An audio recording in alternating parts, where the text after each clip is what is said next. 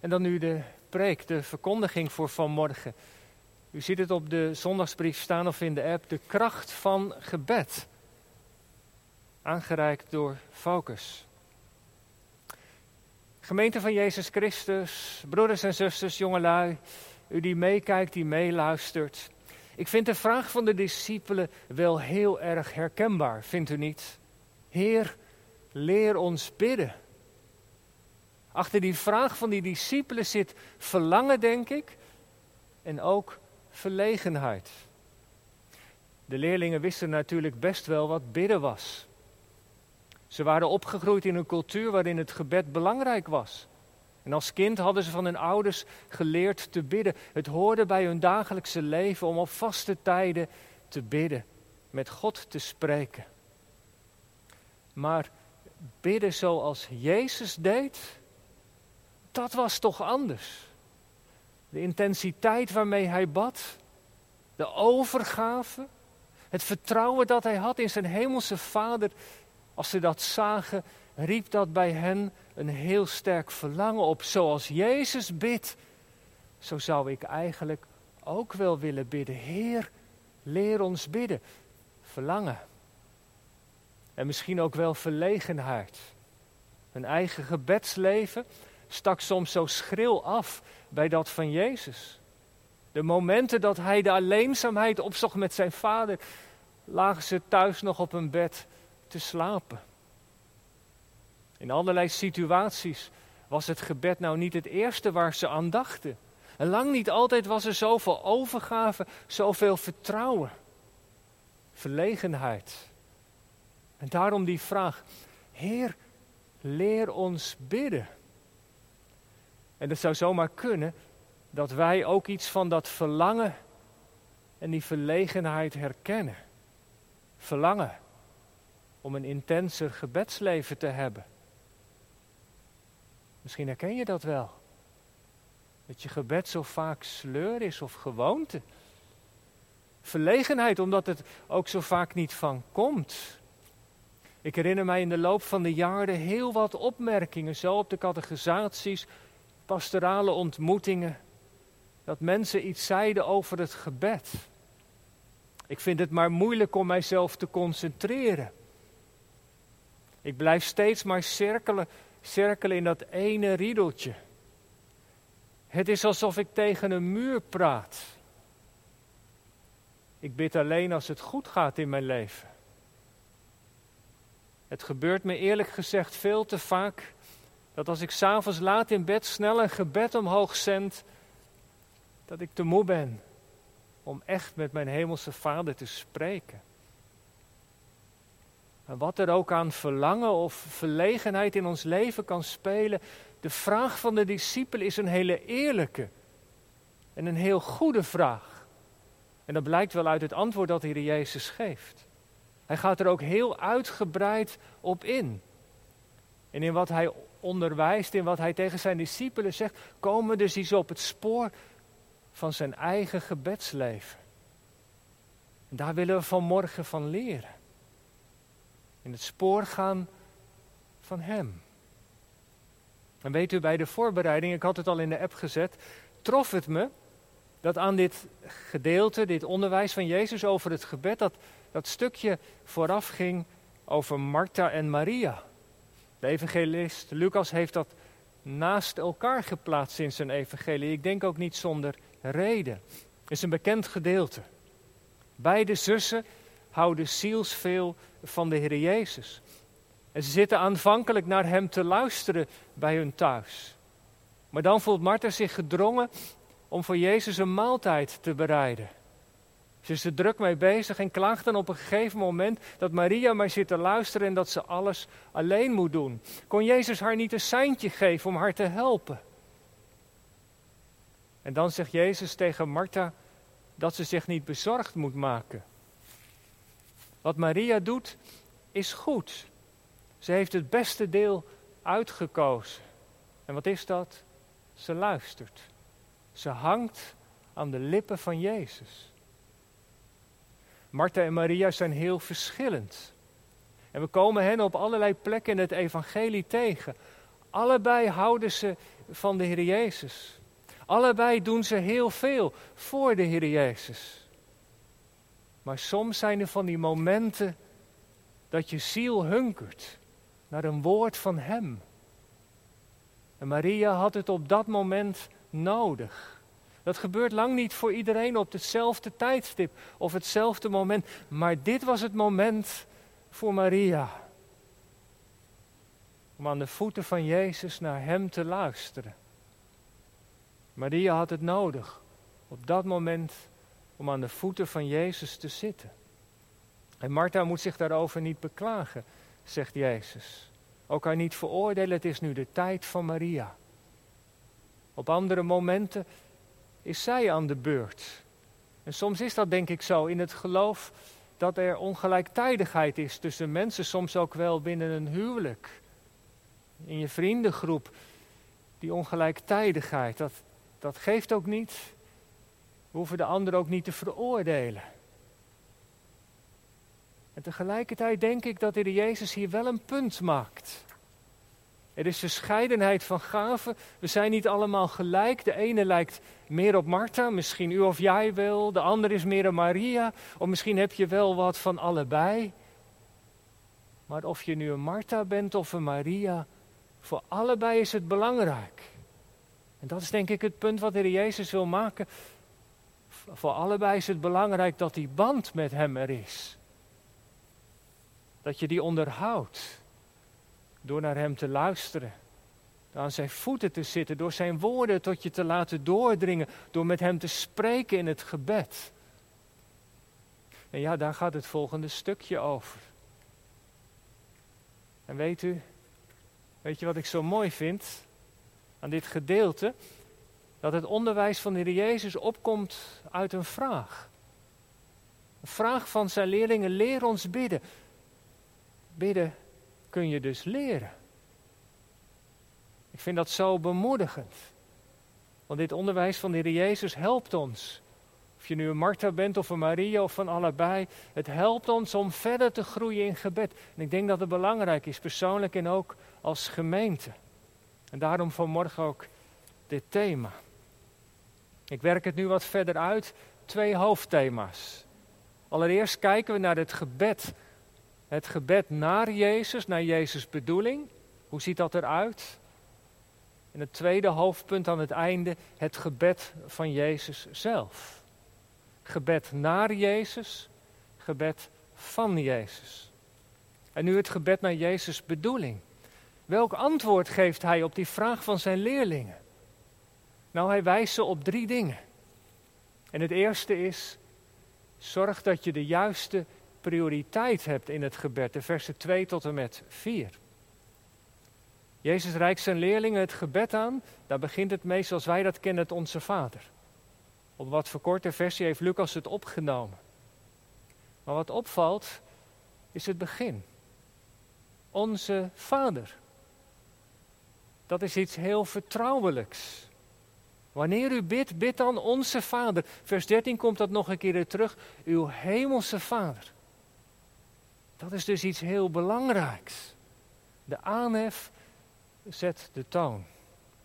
Jezus leert zijn discipelen datzelfde vertrouwen te hebben in hun relatie met de Heere God. Ze mogen Hem aanspreken als Vader, zoals Hij dat ook altijd deed.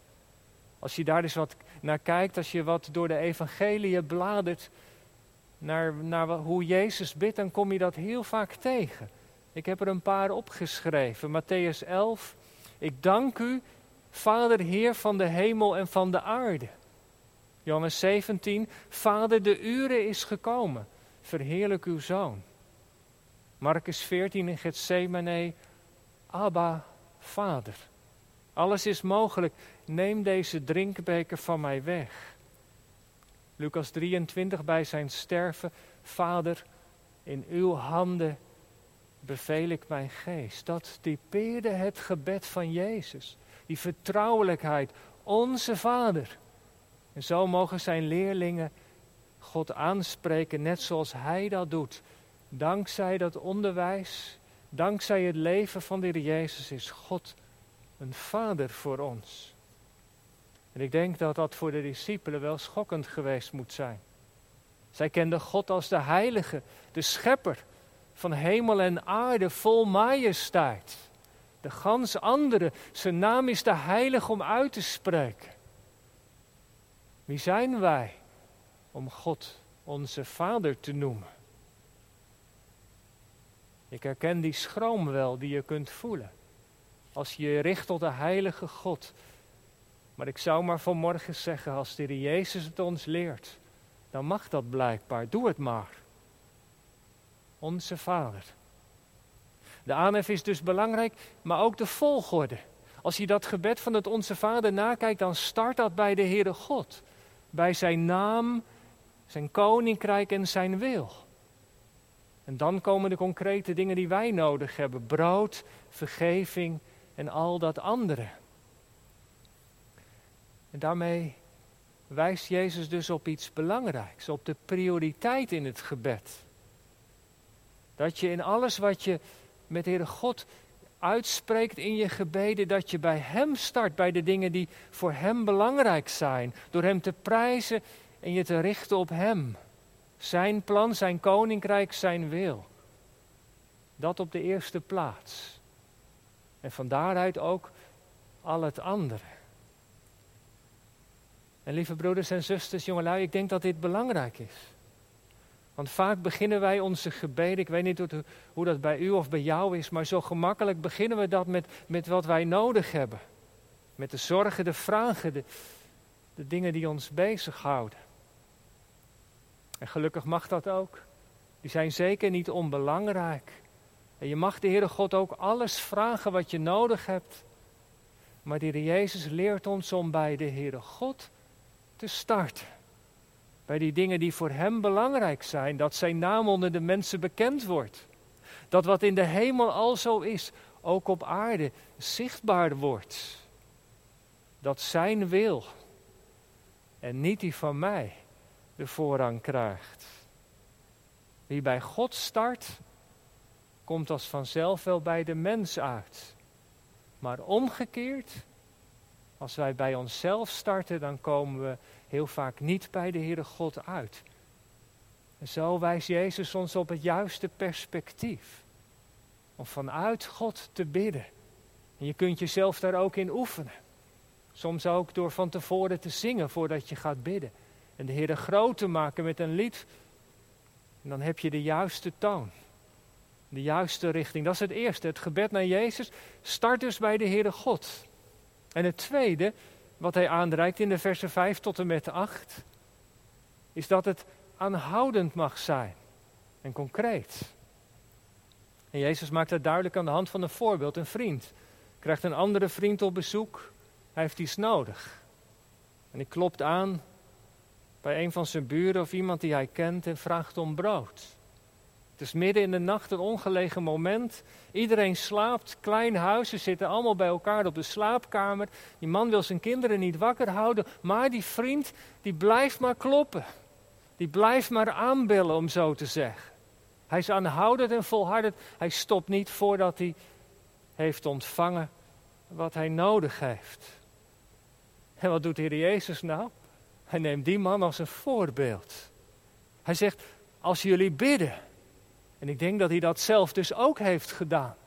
Als hij de hele nacht in gebed was met zijn vader in de hemel, aanhoudend en concreet. Als je bidt, wees dan net zo volhardend als deze man op het onbeschaamde af. Dat is wat. Mag dat dan zo dwingend bidden? Of beter gezegd, zo aanhoudend bidden in dat wat je van God verlangt? Ja, zegt Jezus. Doe dat maar. Waarom? Omdat die man niet iets vraagt voor zichzelf, maar voor iemand anders. Voor iemand die bij hem aan de deur heeft aangeklopt, die iets nodig heeft. Dit gebed gaat dus over voorbeden. Eerst de ander. En dan mag je heel aanhoudend zijn in je gebeden voor de vragen en de noden van de mensen om je heen. Je buren, je collega's, je vrienden, mensen uit de kring van de gemeente.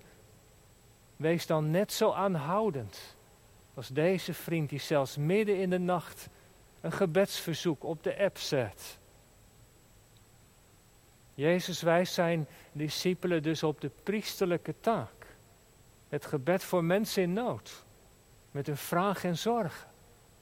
En dan mag het, dan mag je zo vasthoudend zijn in je gebed. God als het ware niet loslaten totdat Hij antwoordt. Dat is wat. We vinden in de Bijbel heel wat voorbeelden.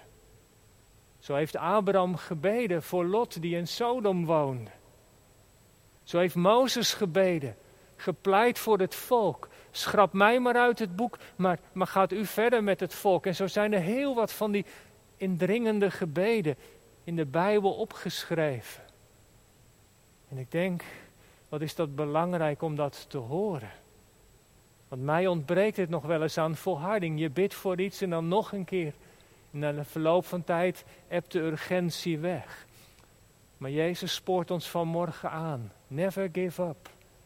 Om de weg van het gebed te blijven gaan. Waarom? Je doet het voor die ander. En ook omdat hij een hoorder is van het gebed als de derde. In de versen 9 tot 13 verwachtingsvol mag je zijn in het gebed. God is namelijk een goede vader. Als een zoon om, aan zijn vader om brood vraagt, geeft hij dan een, een harde steen? Of als hij vraagt om een vis, een soort aal, krijgt hij dan een slang? Als hij om een ei vraagt, een schorpioen? Nee, natuurlijk niet. Welke vader zal zoiets doen? Als wij bidden, mogen wij vertrouwen, zegt Jezus, dat God ons nooit iets zal geven dat slecht is voor ons. God is een goede vader. En Jezus moedigt ons dus aan, ik pas het maar even toe, om vrijmoedig te bidden. Met datzelfde vertrouwen. Bid en God zal u geven. Klop en er zal voor u open gedaan worden. Zoek en God zal je laten vinden. In dat vertrouwen mag je bidden, dat is het derde. En ik weet wel dat hier een hele worsteling voor ons ligt. Dat we soms het idee hebben dat ons gebed niet verder komt dan het plafond, dat God ons niet hoort, of dat zijn antwoord zo vaak laat wachten. Het raadsel van het onverhoorde gebed. Ja, dat kan je soms enorm ontmoedigen. Zozeer soms dat je de neiging hebt om de handdoek maar in de ring te gooien en het bidden maar achterwege te laten. Ik kan me dat zo goed voorstellen, die worsteling. Maar doe het alsjeblieft niet. Wij begrijpen de weg die God met ons gaat heel vaak niet. Maar Jezus zegt als wij bidden, en als het antwoord anders is, er is iets dat God ons altijd geeft. Vers 13. En dat is de Heilige Geest. Als wij mensen, die slechte mensen zijn, die zondigen, goede dingen kunnen geven aan onze kinderen of aan andere mensen, hoeveel te meer onze Hemelse Vader zal Hij ons de Heilige Geest geven. En daarmee zegt Jezus dus iets belangrijks, denk ik. In het gebed staan we nooit alleen. God doet er wat mee door de Heilige Geest te geven. En die Heilige Geest die helpt, die komt als het ware in ons gebed naar ons toe. En die helpt ons. Wanneer we twijfelen, wanneer we onzeker zijn, wanneer we de moed dreigen op te geven en het niet meer zien te zitten, wanneer er geen perspectief is, geen hoop, geen kracht, dan komt de Heilige Geest en dan zet Hij zijn vleugels onder ons gebed. Hij is het die in ons woont, die ons hart en onze noden kent. En Hij brengt dat stille gebed van je hart daar waar het moet zijn, bij onze Hemelse Vader. Ja, dat zien we niet. En soms ervaren we het ook niet. Maar Jezus zegt dat God dat wel doet. Door de Geest draagt Hij ons gebed. En dat is de belofte. En daarom kunnen we toch volhardingsvol bidden. Omdat de geest daarin meekomt. En dat is de belofte die Jezus aan zijn leerlingen geeft. En dan, de geest doet nog iets. Ik kom bij mijn tweede hoofdpunt. Het eerste was het gebed naar Jezus' bedoeling. Waarin hij ons aanspoort om de juiste prioriteit te hebben. Om aanhoudend en concreet te bidden. Verwachtingsvol te zijn. Maar er is ook nog het gebed van Jezus. En daar richt de geest ons op. Want als Gods geest in ons leven aan het werk gaat, dan, dan, dan, dan is het zijn verlangen en zijn voortdurende activiteit om onze ogen te richten, niet op onszelf, maar, maar op de heiland, op de Heer Jezus. Waar is Jezus nu? Hij zit aan de rechterhand van de Vader. Hij zit in de troonzaal van God. En wat doet hij daar? Hij bidt. Hebreeën 7, vers 25 zegt: Hij leeft om voor ons voor zijn kerk te bidden, te pleiten. Stel je dat eens voor. Je zit nu thuis te luisteren misschien of later. En op dit moment is de Jezus in gebed. Hij houdt heel deze wereld in zijn hand en is in gebed voor zijn kerk. Om in deze lastige tijd zijn kerk te bewaren. Hij is in gebed voor ons, om ons te bewaren. Elke dag denkt hij aan zijn koninkrijk, aan u, jou en mij. Het is vandaag de eerste Lijdenszondag. En de geest die richt onze ogen op de Heer Jezus, op die weg die hij gaat naar Golgotha. Hoe hij zich door, die, door dat leven heen heeft geworsteld, zegt de Hebreeënbrief. Onder sterk geroepen met tranen, vastgeklampt aan zijn vader. Omdat die weg die hij moest gaan niet gemakkelijk was. Om uiteindelijk het offer van zijn leven te brengen, de toorn van de vader te dragen. Maar hij is die weg gegaan. Zijn leven afgelegd. Aan het kruis van Golgotha verzoening gedaan. En hij heeft de overwinning behaald over de macht van de zonde, de dood en de duivel. En hij is opgevaren. En nu zit hij daar in die troonzaal van God en is hij in gebed. En wat bidt hij eigenlijk? Hij weet als geen ander wat wij nodig hebben. Wat bidt Jezus? Vader, vergeef het hun, want ze weten niet wat ze doen. Vader, bewaar hen in uw naam. Vader, leid hen niet in verzoeking. Vader, ik wil dat waar zij, waar ik ben, ook zij zijn die u mij hebt gegeven. Vader, ik wil dat de liefde die ik van u heb ontvangen, ook in hen zij. Zo is Jezus bezig. En hij bidt. En op hem richt de geest onze aandacht. Hij brengt ons de Jezus voor ogen die dood is geweest en die leeft om voor ons te bidden. Wat is dat een bijzonder perspectief. Het belangrijkste onderwijs over het gebed is de voorbeden van Jezus zelf. Ik heb voor u gebeden dat uw geloof niet zou bezwijken. Ik rond af. Ter bemoediging nog dit.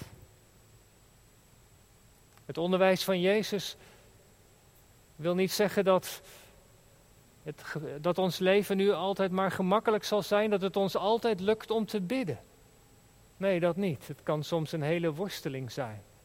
Maar dat helpt wel om te weten dat Hij voor ons bidt.